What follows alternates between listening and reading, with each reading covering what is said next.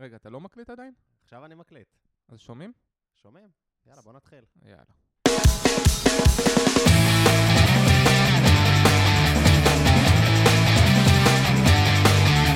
טוב, ברוכים הבאים לפרק מספר 3 של מפתחים חסרי תרבות, התאריך 21 לפברואר 2017, ואנחנו פה עם גל צלרמייר. מה שלומך הבוקר, אבי עציוני? שלומי מעולה, כרגיל, אני עדיין לא רגיל לשעות הקשות האלה, אבל אני הולך להתגבר.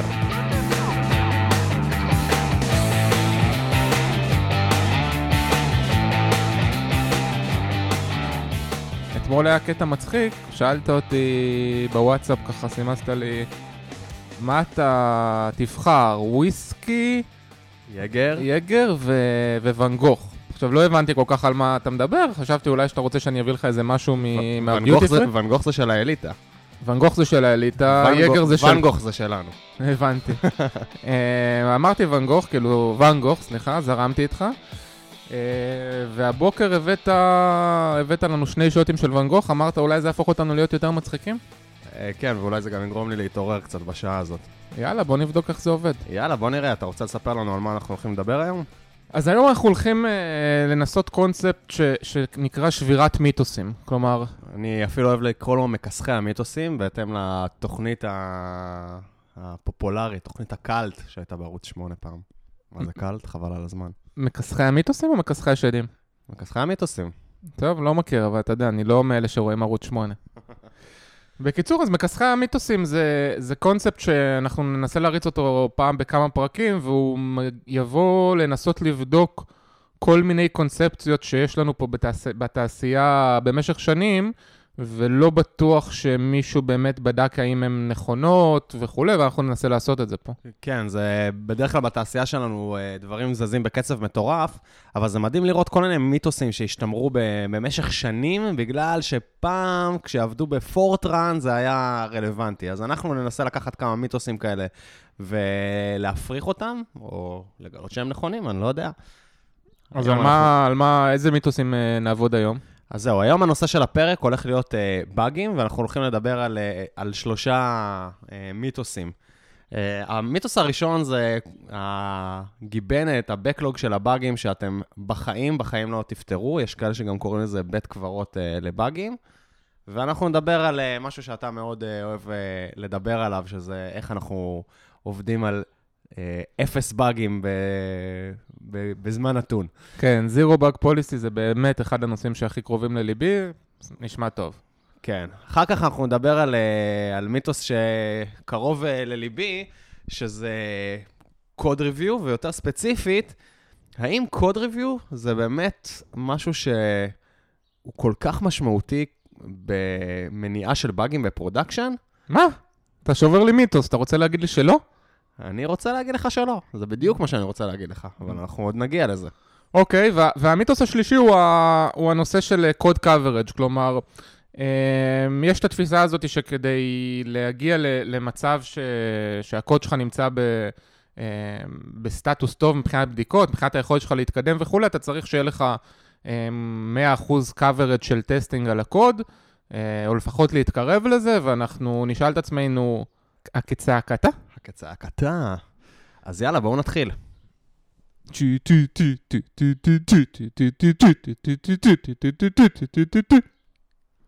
אני משאיר את המעבר המוזיקלי הזה.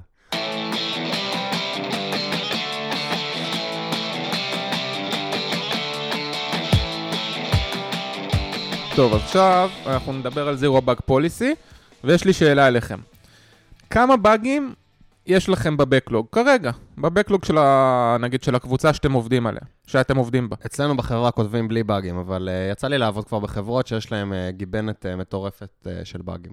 אז, אז אני בטוח עכשיו שאתה יודע, אם נשאל, נעשה עכשיו סקר בין המאות אלפי מאזינים ש, שיש לנו, ואגב, עשיתי סקרים כאלה בכל מיני הרצאות וכולי, אנחנו נמצא שבמקרה הכי הכי טוב, יש בין 50 ל-100 באגים, ולרוב החברות, לרוב האנשים, גם החברות אגב שהן חברות טובות ומובילות, אתה תראה שבכל קבוצה יש מעל 100, מעל 200, ואפילו יש חברות שיש בהן 1,000, 2,000 ויותר באגים בבקלוג. נו, סבבה, זה נשמע הגיוני, אנחנו נפתור אותם לאט-לאט. אז זהו, שאנחנו לא נפתור אותם לאט לאט, למעשה אנחנו לא נפתור אותם אף פעם, ו- וזה בדיוק ה- ה- הקונספציה השגויה, כלומר, המחשבה היא שבסדר, יש לנו באגים, ואנחנו נתקן אותם כשיגיע הזמן, כשאנחנו קצת נתפנה, כשיהיה לנו קצת פחות פיצ'רים, כשנחשוב שזה ממש חשוב, או וואטאבר. אבל העניין האמיתי הוא שאנחנו לעולם לא נגיע לבאגים האלה. כלומר, אם יש לנו עכשיו אלף באגים בבקלוג, סתם כדוגמה, אני יכול להבטיח לך של-900 האחרונים אתה לא תגיע. אתה פשוט לא תגיע. אני מחזיר אותך שנייה אחורה, כי לא הבנתי משהו קטן. למה אתה מתכוון יש להם 100 באגים? מה הכוונה בזה? זה, אה, זה אומר שיש 100 באגים, או 1,000 באגים, או whatever, שנפתחו, כלומר שמישהו ראה את הבאגים האלה ושם אותם... זאת אומרת שזה מוגדר באיזושהי מערכת אה, באגים. כן. בבגזילה, או בטסט דירקטור, או בג'ירה, או, ב, או ב-whatever. כלומר, ה-QA מצא באגים, המפתחים מצאו באגים, הלקוחות מצאו באגים, ומישהו גם לקח את הזמן ותיעד את הבאגים האלה וכתב אותם והכניס אותם למערכת, אבל הם פשוט יושבים שם ומחכים שיגיע היום ומישהו יפתור אותם. עכשיו, הבעיה הגדולה בעניין הזה, חוץ מזה שאתה יודע, יש לנו באגים, הרבה באגים, כנראה שהאיכות של המוצר שלנו היא, היא לא בשמיים, אבל על זה נדבר אולי יותר מאוחר. הבעיה הגדולה בעניין הזה שאנחנו כל הזמן מבזבזים זמן כדי לנהל, לעשות triaging לבאגים האלה. מה זאת אומרת? זה אומר ש... כן, אני רואה, בעיניים שלך אני רואה שיש לך איזו שאלה, אבי. תשאל, תשאל, אל תרגיש חופשי. לא, אתה, אתה אומר, אנחנו מתחזקים באגים, אנחנו זה, בסדר, אבל במוצר יש באגים, אנחנו צריכים לתחזק אותם, ו, וה, והטרייג' הזה שאתה קורא לו, ה- הטרייג', למי שלא מכיר, זה בעצם אה, חיפוש הבעיה השורשית, הוא, הוא, חלק, הוא חלק מהעבודה, הרי בסוף אנחנו נגיע לכל הבאגים האלה ואנחנו נפתור אותם, אבל תמיד יש את העדיפויות, מה אנחנו הולכים לפתור קודם, מה אחר כך, ואנחנו צריכים לדבר על זה. כן, אבל העניין הוא שמה שקורה בפועל זה שאנחנו רק מדברים. כלומר, כל איזה שבוע או שבועיים, או פעם בספרינט, או פעם בשני ספרינטים, או אחת לרבעון, תלוי לפי איזושהי קריזה של אה, מנהל שחטף, אנחנו הולכים ואנחנו עוברים על כל הבאגים האלה, ואנחנו אומרים, רגע, בואו נתעדף אותם. למרות שכבר תעדפנו אותם איזה 400 אלף פעמים, בואו נתעדף אותם עכשיו, נראה איך הם נכנסים לספרינט. ולספרינט הקרוב, אני מבטיח לכם, אולי ייכנס באג אחד. לא ייכנס יותר הרי, נכון? כי יש features חדשים, ויש כל מיני דברים שצריכים לעשות, ואם עד עכשיו לא עשינו את זה, אז למה שנעשה את זה מעכשיו? כי מתישהו זה יהיה חשוב, זה כמו, כמו features, אתה מתחיל עם backlog ענק של אה, features, שאתה רוצה לממש הכל, ואז אתה אומר, לא, אני אתחיל עם איזשהו MVP, minimum viable product, אני אה, אעשה את הדברים שהכי חייבים, ולאט לאט אני ארחיב משם. לדעתי אתה- זה אותו דבר ככה עם באגים. זה בדיוק בדיוק אותו דבר, אתה צודק, אבל גם עם, גם עם features, בדיוק הרמת לי להנחתה, זה לא עובד ככה. כשיש לך המון המון פיצ'רים, כשהבקלוג של הפיצ'רים שלך הוא מאוד מאוד גדול, אתה עושה את הראשונים, את אלה שהם קצת אחרי זה, אתה אולי תעשה ואולי לא, ואת אלה שהם בסוף אתה בחיים לא תעשה.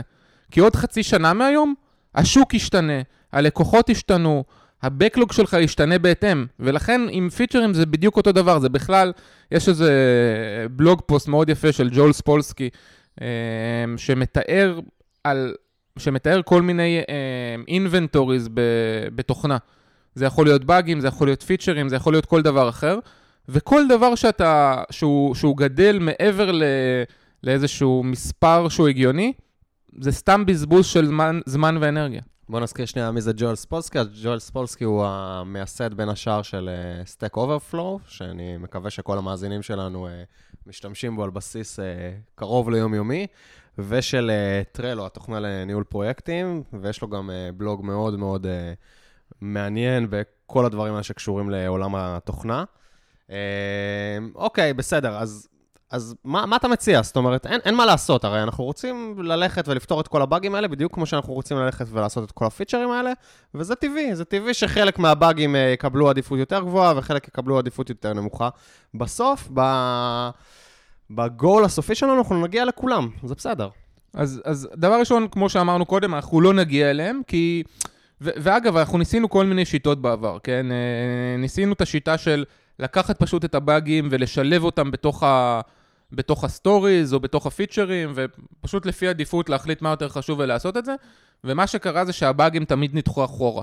למ- למה? למה? למה הם נדחו אחורה? בגלל שה-product owner או ה-product manager, תלוי באיזה שיטה עובדים, ב- ברגע שהוא עכשיו צריך להחליט מה יותר חשוב, איזשהו באג שאתה יודע, לא יודע מה, איזה משהו באינטרנט אקספלורר 11 לא עובד לך, או אני צריך להכניס עכשיו feature חדש ש... אה, יודע, ייתן onboarding יותר קל למשתמשים, או whatever, הוא תמיד ילך על ה-feature החדש. כי כש-product manager או product owner מסתכל על התמונה, אז הוא אומר, רגע, מה יביא לי עכשיו יותר לקוחות? איך אני אהפוך לקוחות להיות יותר מרוצים? וכשמדברים על באג ספציפי, זה בדרך כלל, אתה יודע, זה לא באג שהוא מאוד מאוד קריטי ו- ושובר את המערכת, כי אותו כבר מן הסתם תיקנו. מדובר על הבאגים שהם ב-priority יותר נמוך. במקרה הזה ל-product manager מאוד מאוד קשה לתעדף באג קודם, אז מה, שהוא, מה שקורה, הוא תמיד מתעדף קודם features, והבאגים פשוט נדחקים אחורה ואף פעם לא עושים אותם. זה נדמה לי או שכרגע השמצת אוכלוסייה שלמה של product managers ואמרת שהאיכות של המוצר לא מעניינת אותם, או שדמיינתי? לא דמיינת, אני חושב שזה... שבאמת השמצת אותם. באמת השמצתי אותם. product manager ו-product owner הם, הם, הם נהדרים, אני מת עליכם. אבל העניין הוא, אתה יודע, הם פשוט בתפקיד של הקבלת, קבלת ההחלטות ברמת לקבוע מה עדיף על מה, כלומר, לתעדף את, ה, את ה-backlog. גם אם אני הייתי צריך לעשות את זה, היה לי מאוד מאוד קשה אה, לקבוע שאיזשהו באג יותר חשוב מפיצ'ר, כן? זה, זה תכונה אנושית. אבל ניסינו גם עוד שיטות, כן? חוץ מלשלב את זה ב... כחלק מה... מה-Backlog, ניסינו להחליט שפעם ב... פעם בכמה זמן נעשה, אה, אה, אתה יודע, מין כזה ספרינט באגבש כזה, שבו אנחנו רק עובדים על באגים. תאמינו לי שאחרי דבר כזה... אחת התקופות היפות. אחת התקופות היפות, ו- ואל תתפלאו אם אתם עושים דבר כזה, אז יהיו כמה מתכנתים שאחרי זה ירצו לחפש עבודה אחרת, כי אף אחד לא אוהב לפתור באגים במשך שלושה שבועות, או יותר מזה, אם יש לכם כמות גדולה של באגים, ספרינט אחד לא יספיק. אה, וניסינו עוד ועוד, וזה פשוט לא עובד. אבל, אבל בעצם, אני מנסה להבין מה, מה הדבר שמפריע לך. בסדר, אז אתה יודע, יש באגים שתמיד יידחקו לסוף, אבל מה, מה מפריע לך? בסדר, פעם בספרינט, פעם בשני ספרינטים אנחנו יושבים, מתעדפים אותם, ומה שנכנס, נכנס. מה, מה לא בסדר בזה? אז מה שמפריע לי זה שני דברים. אחד, הבזבוז זמן הזה, ואנרגיה, כן?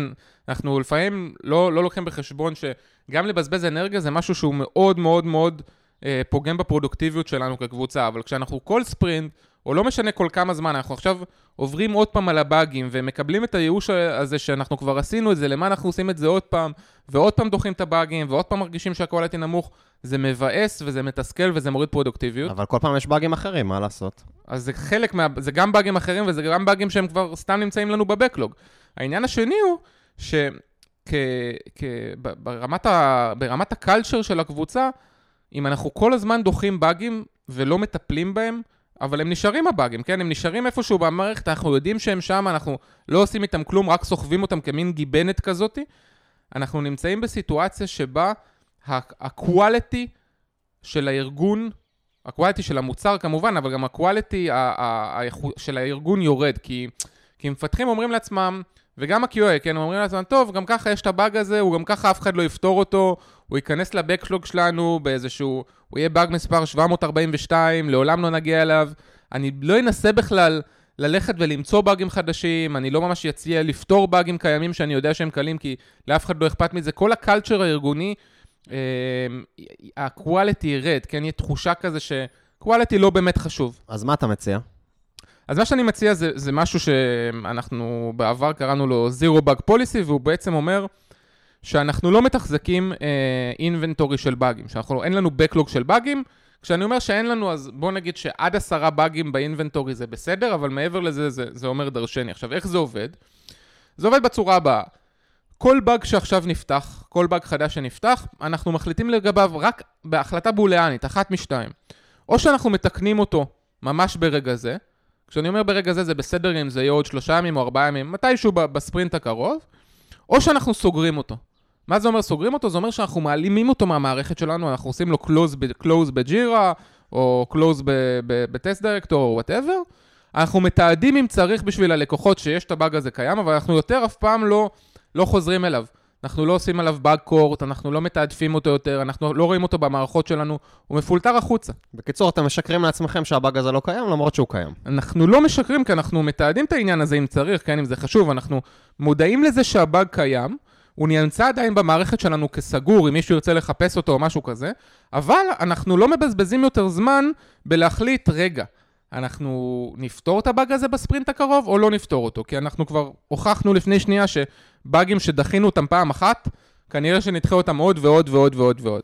זה נשמע לי, אני חייב להגיד שזה נשמע לי קצת אבסורד. כאילו, מה אם הבאג הזה חוזר על עצמו עוד פעם ועוד פעם ועוד פעם, אז כל פעם אתם תחליטו, לא, זה לא מספיק חשוב, אבל יכול להיות שזה מציק ללקוחות שלכם. אז זה, זו, זאת שאלה נפלאה. אז דבר ראשון, באג שנפתח על ידי לקוח, הוא בהגדרה מקבל עדיפות יותר גבוהה, ואני מקווה שבנקודת ההחלטה הראשונית ש, ש, של ה-product, שהחליט אם לסגור את הבאג או, או, או, או לתקן אותו, אז קיבלנו את ההחלטה של לתקן אותו.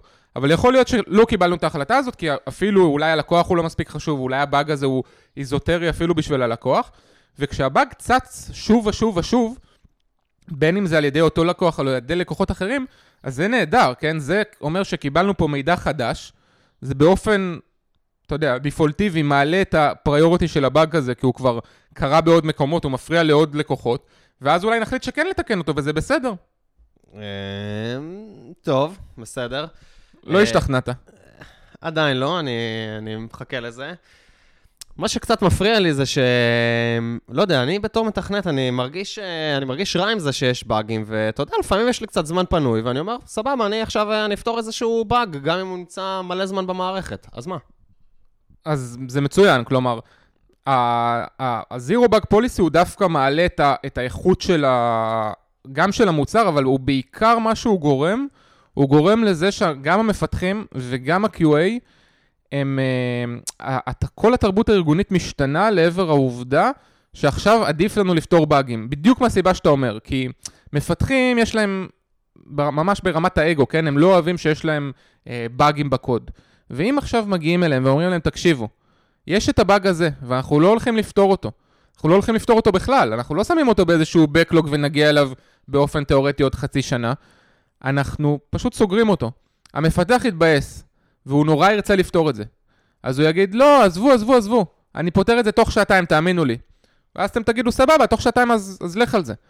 ו- ויותר מזה, ה-QA הוא גם נורא יתבאס, כי QA לא אוהב שסוגרים לו באגים שהוא פותח. והוא ילך ל product manager ויגיד לו, תקשיב, זה באג נורא חשוב, וכדאי שנפתור אותו, ואל תסגור אותו, זה יופיע אצל לקוחות וכולי וכולי.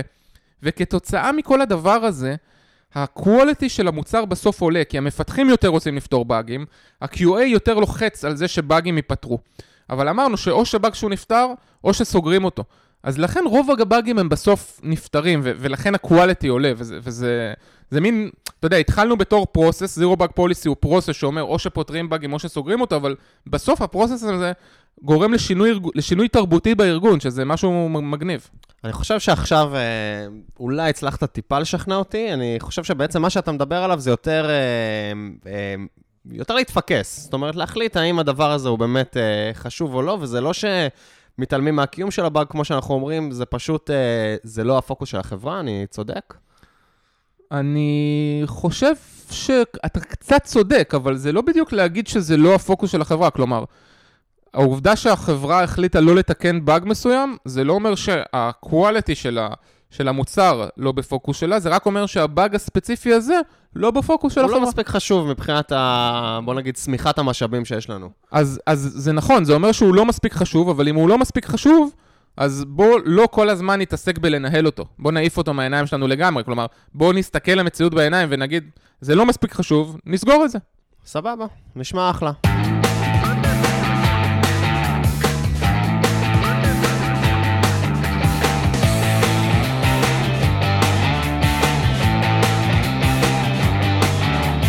אז הקונספט השני שאנחנו הולכים לדבר עליו בפרק הזה של מכסחי המיתוסים, הוא הקונספט שאומר ש code review זה משהו שחייבים לעשות אותו לפני שעולים ל production. כלומר, לפני שעושים commit uh, או check in ל main branch. כן, אז uh, מי שמכיר אותי יודע ש code review זה אחד הדברים uh, שהכי uh, קרובים לליבי. אמ, אני חושב ש... הייתי בטוח שזה סלסה. אמ, גם. רגע, גם. רגע, תדרג. יש הרבה דברים שקרובים לליבי. אז תדרג לי סלסה, קוד ריוויו וואן גוך. קוד ריוויו תמיד מקום ראשון. וואו. סלסה קצת אחריו, וואן גוך, ואן גוך זה בצד כזה. סבבה, אז אתה יודע, בוא נדבר על קוד ריוויו. סבבה. אז קוד ריוויו זה אחד הדברים שהכי קרובים לליבי, אני באמת, זה... אחד הדברים הראשונים שעשיתי כשהגעתי לאוריבי זה קודם כל אה, להחליט אה, על אה, כלי שבו אנחנו נעשה קוד ריוויו. אגב, באיזה כלי אתם משתמשים באוריבי? היום אנחנו משתמשים ב-UpSource, שזה כלי של, של JetBrain, זו חברה שמייצרת את, ה, את IntelliJ, שזה IDE, בגדול IntelliJ זה IDE לג'אווה, אבל יש לו גם הרבה תת-מוצרים של WebStorm ו... PyCharm נדמה לי וכולי.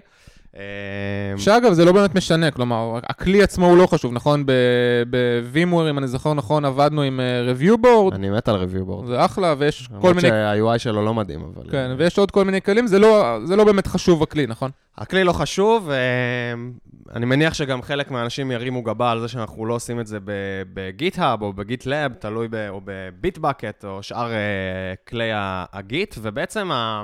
באמת, הסיבה שאנחנו לא עושים את זה, זה כי אצלנו בחברה, אני אה, הגדרתי שאנחנו עושים code review אחרי שהקוד כבר עולה ל production, שזה נשמע...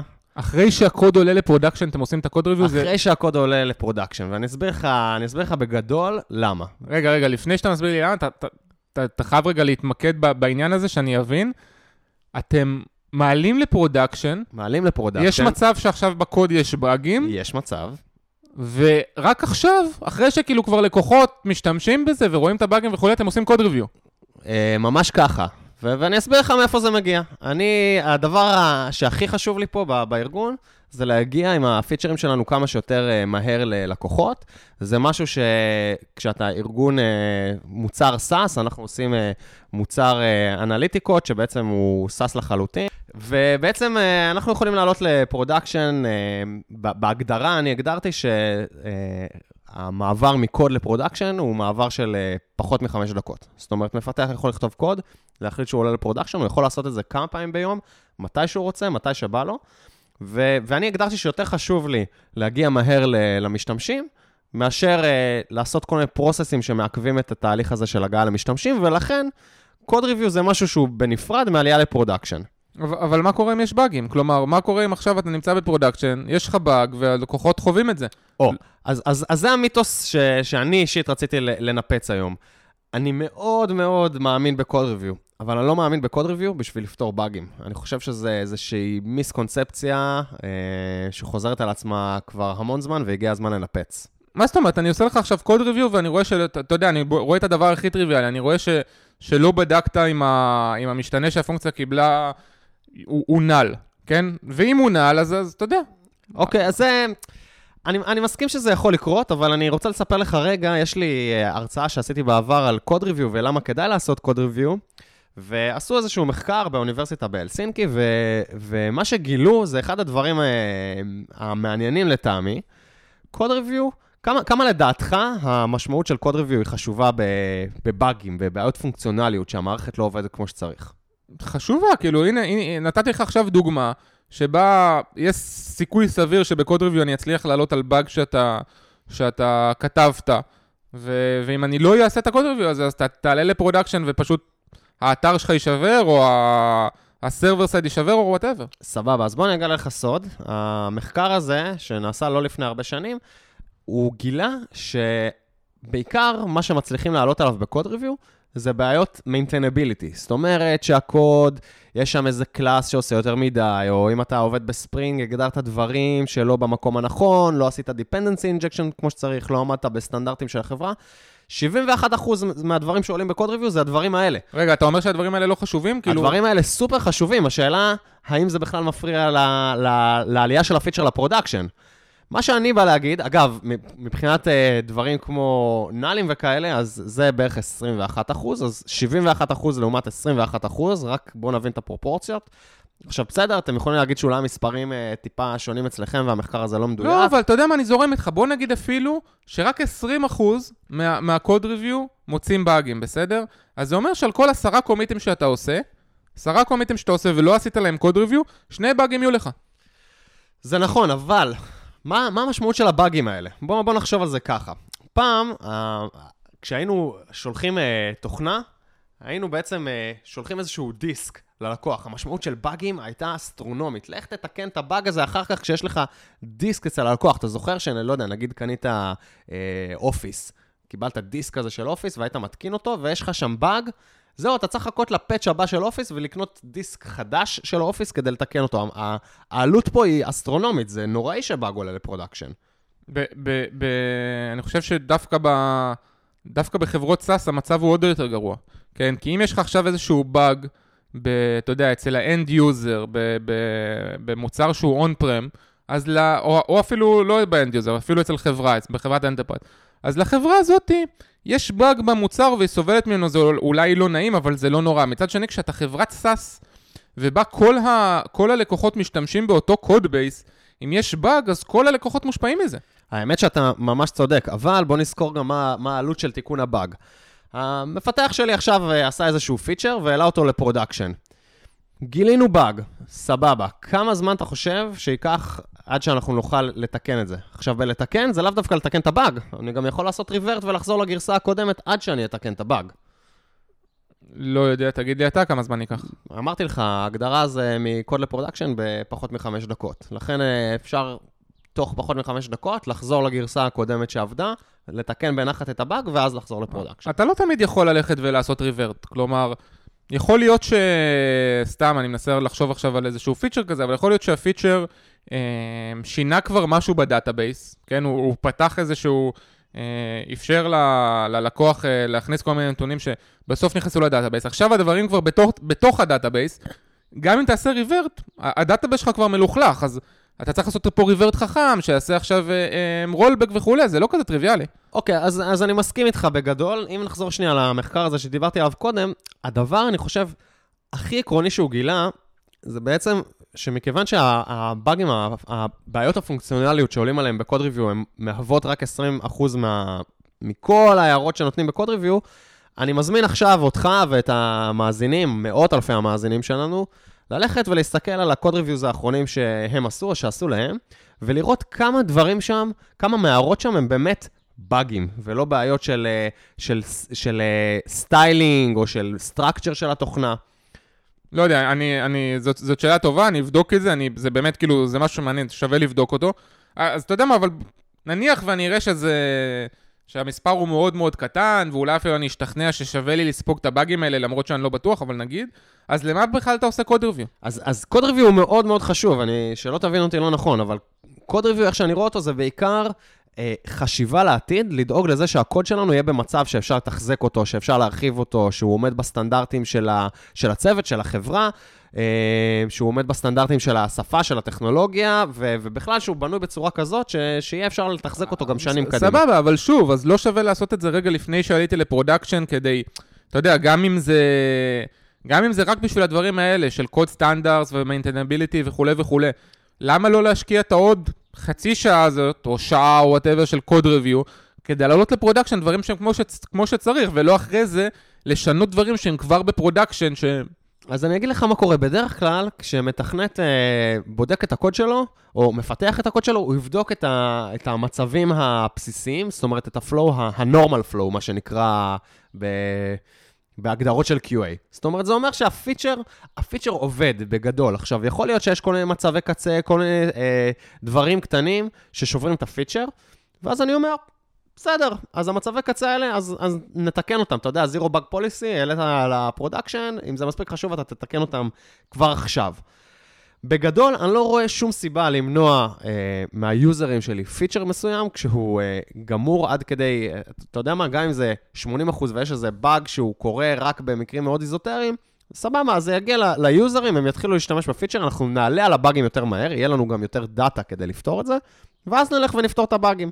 תראה, נתת לי כמה דברים לחשוב עליהם, כן? כלומר, אני צריך לבדוק באמת כמה מהקוד ריוויו מוצאים באגים וכולי, זה דברים ששווה באמת לבדוק כדי uh, uh, לעבוד יותר נכון. אני חייב להגיד לך שעדיין אני חושב שיש פה הבדל מהותי בין חברות שהם, uh, um, נקרא להם סטארט-אפ, יחסית, סטארט-אפים יחסית בתחילת דרכן, שהדבר הכי חשוב להם באמת זה, אתה יודע, להגדיל את כמות ה users שלהם, עוש... את, את ה penetration ל market, והם עושים את זה על ידי להוסיף כמה שיותר features, לעומת חברות שהן כבר, uh, שה...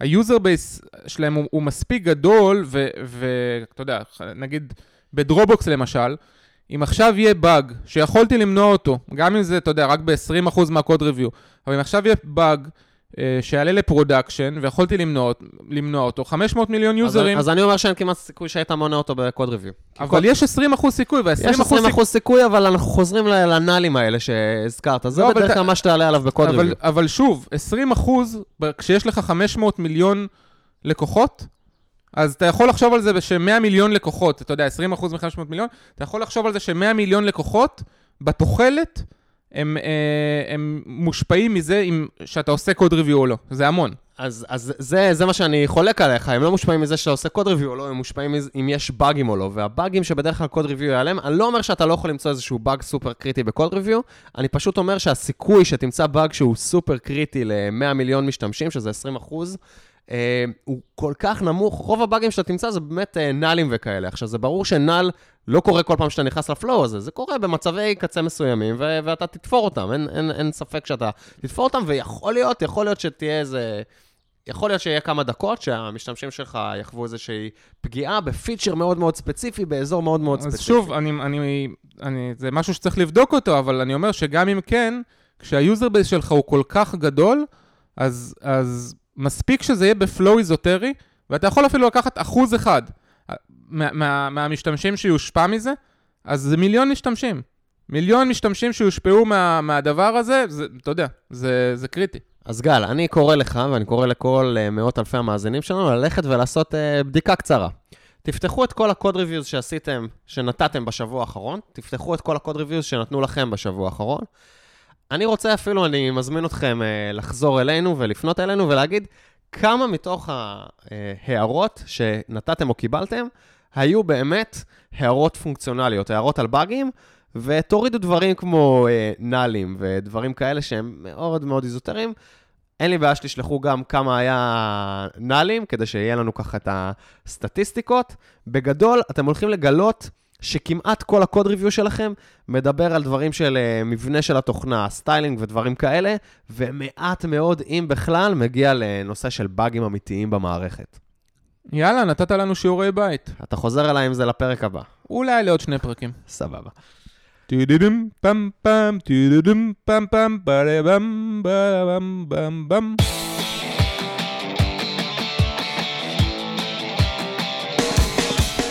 טוב, אז המיתוס הבא שלנו והאחרון להיום, הולך לדבר על אחת המטריקות היותר מפוקפקות בעיניי, שזה מטריקה של 100% טסט coverage, זאת אומרת שהקוד שלנו, כל שורה וכל פיפס בקוד שלנו מכוסים על ידי טסטים, ואני אומר, cut the bullshit. רגע, מצטט מה- את uh, מירי רגב. כל אחד והאייקונים שלו, אתה יודע. תסביר לי שנייה משהו. אתה רוצה להגיד לי, זה, זה, זה הולך להיות מעניין, אתה רוצה להגיד לי שאם יש לך 100% טסט ל- לקוד שלך, עכשיו בואו רק נסביר למאזינים רגע. testים זה יכול להיות unit test, integration test, system test, Selenium, whatever. יש לך 100% coverage לקוד שלך, זה לא טוב?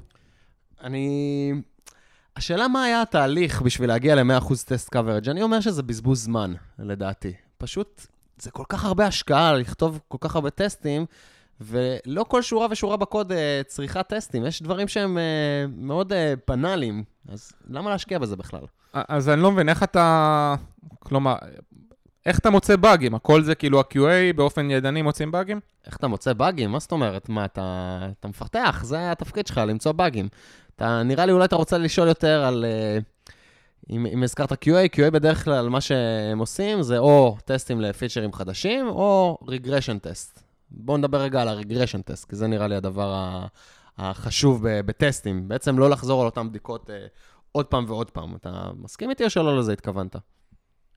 לא, סבבה, אז אתה אומר כאילו שטסטים זה בעצם משהו שלא בא אה, כדי למצוא באגים, אלא זה משהו שיותר נועד כדי לאפשר לך להתקדם במהירות, שאתה רוצה לפתח פיצ'רים חדשים, אז לבדוק שפיצ'רים אה, לא נפגעו או משהו כזה. אני, אני רואה טסטים, כן, בעיקר, בעיקר בכיוון הזה, לראות שאתה לא שובר שום דבר, זה יכול להיות בין אם כתבת פיצ'ר חדש ואתה רוצה לראות שהוא לא משפיע על אה, דברים קיימים כבר, או לחילופין, איפה שטסטים מאוד באים לעזרתנו זה ב refactoring. כשאתה רוצה לשנות קוד קיים, ולוודא שהשינויים שעשית לא שברו את הפונקציונליות.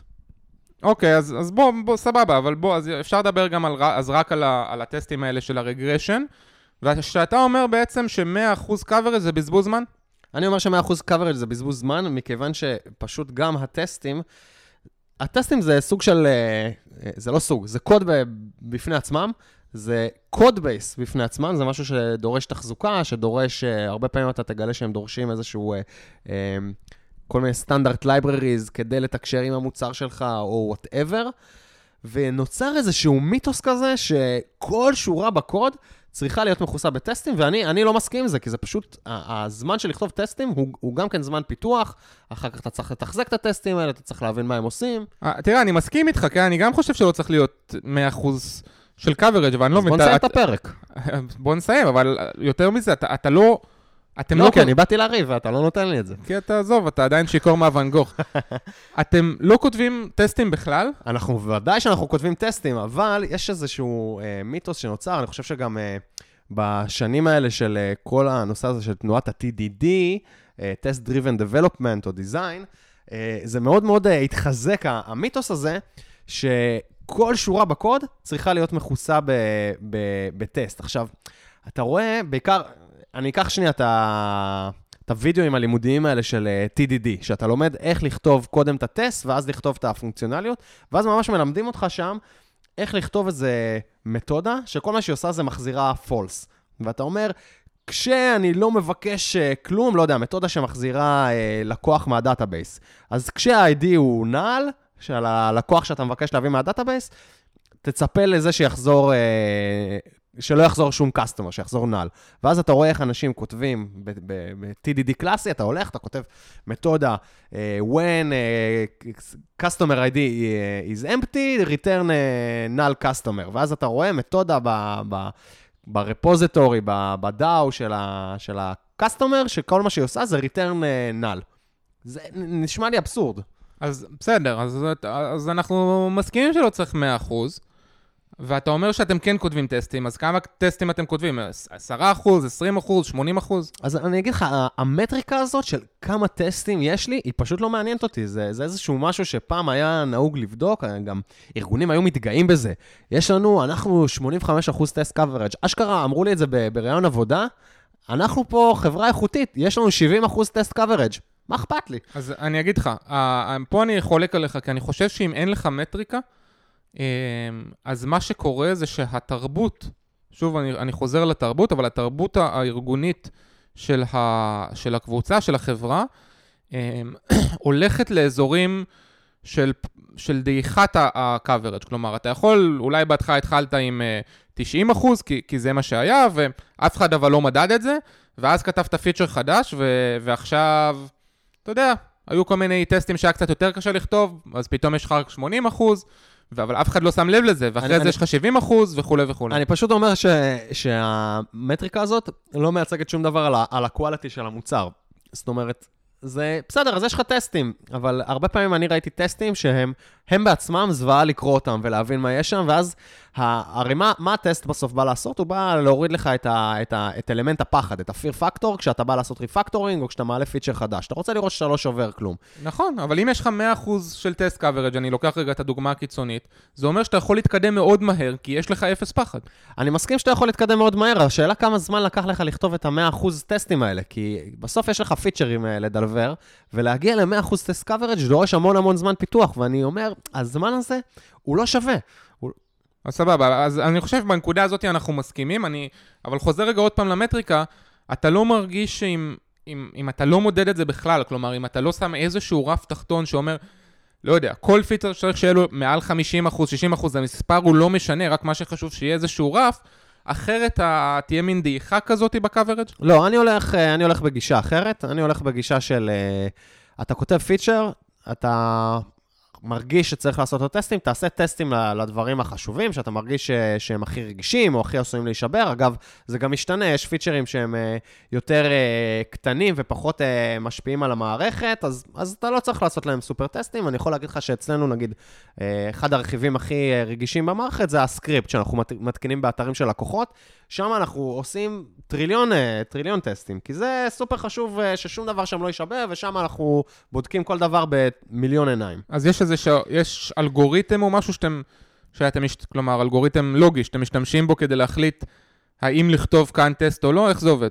אה, כן, האל- האלגוריתם הזה זה הה- ההיגיון שלנו. זאת אומרת, אנחנו חושבים מה הולך אה, להישבר, ועוד משהו שאני מאוד מאוד דוגל בו זה ל- להפיק לקחים מהטעויות שלנו. כשמשהו נשבר, אז ללכת ולכתוב טסטים. כן, זה, זה אנחנו גם עושים הרבה מאוד, כלומר, אם יש, אם נפתח באג והחלטנו לתקן אותו, אז בסבירות מאוד גבוהה גם נוסיף לתיקון הזה גם כבר טסט כדי לוודא שבעתיד הבאג הזה אה, הם לא יקרה, זה אנחנו גם עושים הרבה, אבל בעצם, אני חוזר רגע לנקודה שאמרת קודם על ההיגיון, בעצם אתם מפעילים פה מה שנקרא ROI, נכון? Return of Investment. אתם בודקים כל טסט כמה זמן ייקח לכתוב אותו מצד אחד, ומצד שני, האם סביר להניח שבעתיד הוא ייתן לנו value או לא? לגמרי ככה. אני, אגב, אני באמת חושב שיש הרבה מאוד חברות ו- ומפתחים שהם לא הולכים להסכים איתנו בהיבט הזה, ואנחנו די נשמח לשמוע פה תגובות והערות למה אתם חושבים אה, ואיך זה עובד בחברות שלכם. אני כן אשמח לתת כמה, כמה אה, טיפים קטנים. אה, אני בגדול, אה, תמיד מעדיף אה, ללכת על כיוון של, אה, אם, אם אתם כבר בוחרים להשקיע בטסטים, אני אישית uh, מעדיף תמיד ללכת לכיוון של uh, טסטים שהם יותר integration test או end-to-end test, זה אומר שהם בודקים כמה, integration test uh, זה משהו שבודק בדרך כלל תקשורת בין כמה רכיבים, end-to-end test זה יכול להיות משהו שממש או מרמת ה-API כל הדרך, או מרמת ה-UI אפילו, וכל הדרך ל database. אני מסכים איתך, כלומר, כי אתה רוצה לבדוק flow, נכון? אני רוצה לבדוק flow. בדרך כלל, יוניט טסטים, מתי אני חושב שיוניט טסטים הם מאוד אה, מתאימים, זה כשיש לך איזושהי אה, פונקציה עם אה, הרבה לוגיקה, שמקבלת איזשהו input ומוציאה איזשהו output, נגיד אלגוריתם שמחשב, שעושה איזה השינג. אז זה, זה נשמע כאילו משהו שמאוד מתאים לו יוניט טסט. יש גם, יש גם flows שהם קצת פחות מזה, אני יכול להגיד לך שאצלנו נגיד כל מיני flows שמחשבים לפי ה-IP, מאיזה אזור גיאוגרפי הגעת, אז, אז בסדר, אז יש להם עליהם טסטים. אבל בגדול אני, אני די נגד ה... לא, לא נגד באופן גורף, אבל אני די בעד אה, לחסוך זמן ולא לבזבז אותו על כל מיני flows כאלה של אה, לך ל database, ואז אתה עושה mock ל database, שאתה יודע מה, database זה לא דוגמה טובה, אבל לך לאיזשהו service שלך, תעשה לו mock, וכל מה שאתה עושה זה כאילו אתה איזה proxy לאיזשהו אה, service אחר. כאילו... מצד שני, אבל הרבה יותר קשה לכתוב end-to-end טסטים ו Selenium test וכולי, מאשר לכתוב... unit test. נכון, אז, אז אני פשוט בעד לכתוב פחות טסטים שהם integration test או Selenium test או כאלה, אבל שהם יכסו את ה flows הראשיים, ובאמת, כשיש לך כל מיני באגים שאתה אומר, וואי, איך, איך אה, לא עשינו regression על הדבר הזה, ואז אתה אומר, אוקיי, הבאג הזה בסבירות גבוהה יכול לחזור, אז, אז סבבה, אז לך ותעשה עליו טסט. אני פשוט אומר, אל תראה ב-100% test coverage במספר הזה איזשהו אה, הגביע הקדוש של אה, איכות ב, בארגון. כי לדעתי, בוא, עוד משהו שלא דיברנו עליו, זה שיש לך 100% קוורג' זה עוד לא אומר שכיסית הכל. כי מה עם אה, עומסים נגיד? כן, ש... ברור שלא כיסית הכל, אז זה, אבל גם, אתה יודע, ככל, בכל זאת אתה כן מסכים שככל שהקוורג' שלך יותר גבוה, אתה יכול להתקדם יותר מהר, רק שאתה אומר שה... שהעלות... לא, אני, אני לא מסכים. כי אם אתה אומר, יש לי 100% test coverage ואני צריך לשמור על ה-100% test coverage הזה, אז אתה לא מתקדם מהר, כי אתה כל דבר, אתה צריך גם לכתוב לו טסטים ולבדוק שהם עובדים וזה, וזה גם כן לוקח זמן פיתוח. בוא לא נשכח שהטסטים האלה, זה חלק מה code base, זה משהו שאתה צריך לתחזק, ואם אתה לא מתחזק אותו, אז הוא גם כן נרכב בדיוק כמו קוד רגיל, והמתכנת הבא שיבוא ויסתכל על הטסטים האלה, לא יבין בדיוק מה הם כן בודקים ומה הם לא בודקים, והוא יתחיל לחשוב. זאת אומרת, זה, זה, גם זה לוקח הרבה מאמץ כן, ואנרגיה. פה, אני מסכים איתך, ופה אתה עוד פעם אבל חוזר לסיפור, האם אתה...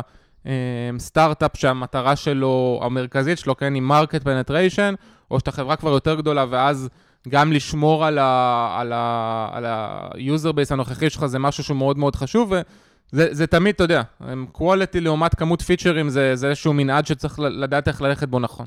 אני, אני לגמרי מסכים, בעיקר, בוא, אם שנייה נסכם את, ה, את הנושא הזה, אני חושב שבעיקר, במקום לשאוף לאיזושהי מטריקה שרירותית של 70 80 או 100 טסט קוורג', תנסו לחשוב איפה מגיע עיקר הערך ב- בלכתוב טסטים. אנחנו, לא אני ו- ולא אתה, אנחנו לא נגד טסטים, אנחנו בעד טסטים, טסטים זה חשוב, אבל חשוב להבין איפה אנחנו משקיעים את המשאבים שלנו, ולא תמיד כל טסט הוא, הוא שווה את הזמן, הרבה יותר שווה ש- שתתקדמו, ושהטסטים שאתם כן מחליטים לעשות יהיו עם מלא מלא ערך, שאתם באמת נותנים לכם איזו הרגשה של ביטחון כשאתם עושים refactoring אה, בעתיד, או כשאתם אה, מוסיפים אה, שינויים שאתם חושבים שיכולים לשבור משהו במערכת. כן, אז הנקודה היחידה שאנחנו עדיין חלוקים עליה זה הנושא של האם צריך איזשהו רף תחתון או לא, אבל אתה יודע, זו נקודה יחסית שולית.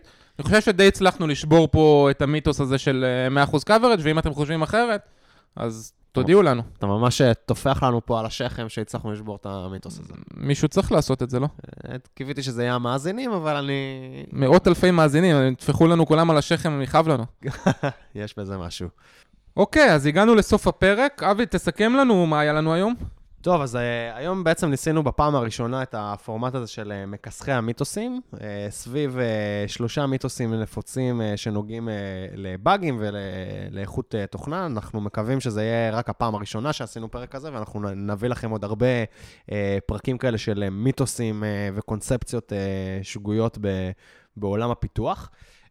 דיברנו על שלושה מיתוסים נפוצים. המיתוס הראשון זה אותו... אה, מיתוס שאומר שאנחנו, יום אחד אנחנו נפתור את כל הבאגים האלה, אה, בעצם אה, מדבר על ה-Zero Bugs Policy, איך אנחנו נמנעים מלתחזק במערכת שלנו מיליון באגים, ומתרכזים רק באותם באגים שאנחנו הולכים לפתור בעתיד הקרוב. אחר כך דיברנו על, על Code Review, על איך זה ש-Code Review לא באמת מוצא באגים, ולמרות שהרבה אנשים חושבים שהערך החשוב של Code Review הוא בלמצוא באגים, זה לא ממש נכון, והוא הרבה יותר עוזר לנו ב- לשמור על אה, אה, איכות של קוד ומבנה של קוד מאשר באגים. והדבר האחרון, המיתוס האחרון ש... שדיברנו עליו זה 100% test coverage. הגביע הקדוש של, אה, של הרבה מתכנתים והרבה ארגונים, 100% test coverage, כל הקוד שלנו מכוסה בטסטים, ואנחנו באנו ואמרנו פה שלהגיע ל-100% test coverage זה לדעתנו בזבוז זמן. אמ, אנחנו כמובן מעודדים אתכם לעשות טסטים, אבל תבחרו איפה הטסטים האלה חשובים והכרחיים. וגל, נראה לי הגיע החלק האהוב עליך בפרק, שזה הטיפ היומי. אז הטיפ שלנו הפעם הוא טיפ של אה, צייר אבי שאתה מאוד מאוד מאוד אוהב, פבלו פיקאסו. מת עליו. כן, אז הוא אמר פעם, only put off until tomorrow what you are willing to die having left undone. אתה יכול לתרגם לי את זה? אני אתרגם לך. זה בעצם, שוב, מתקשר לעניין הזה של אינבנטורי אה, של תוכנה, של בקלוגים. אמ, תעשה, תדחה למחר רק מה שאתה מוכן למות אם אתה יודע שהוא לא ייעשה היום. אה, אחרת, אל תדחה. כלומר, או שתעשה את זה היום, או שתעיף את זה בכלל מה, מה, אה, מהמחשבה שלך, מהבקלוג שלך, מהאינבנטורי שלך. כן, זה בגדול, אני חושב שזה... בסוף, תחליט מה, מה הדברים החשובים לך בחיים, תדאג לעשות אותם ולעשות אותם מעולה, ואת כל השאר אה, אתה יכול לדחות למועד שכנראה אף פעם לא יקרה. מגניב, אז נראה לי שסיימנו. אה, אם אהבתם, אז כרגיל, צייצו, פייסוש, לינקוש וכו'. כן, אה, יש לנו בעצם, אה, האתר שלנו זה no תרבות, במילה אחת, אה, no T-A-R-B-U-T נקודה co, לא com, co. אתם מוזמנים להירשם שם לעדכונים אם אתם רוצים לדעת uh, כשיוצאים uh, פרקים חדשים או כשיש הודעות מעניינות. זהו, ושיהיה לכם יום קסום. יום קסום, יאללה ביי. צ'או, צ'או סיטו, להתראות. ביי, ביי, ביי.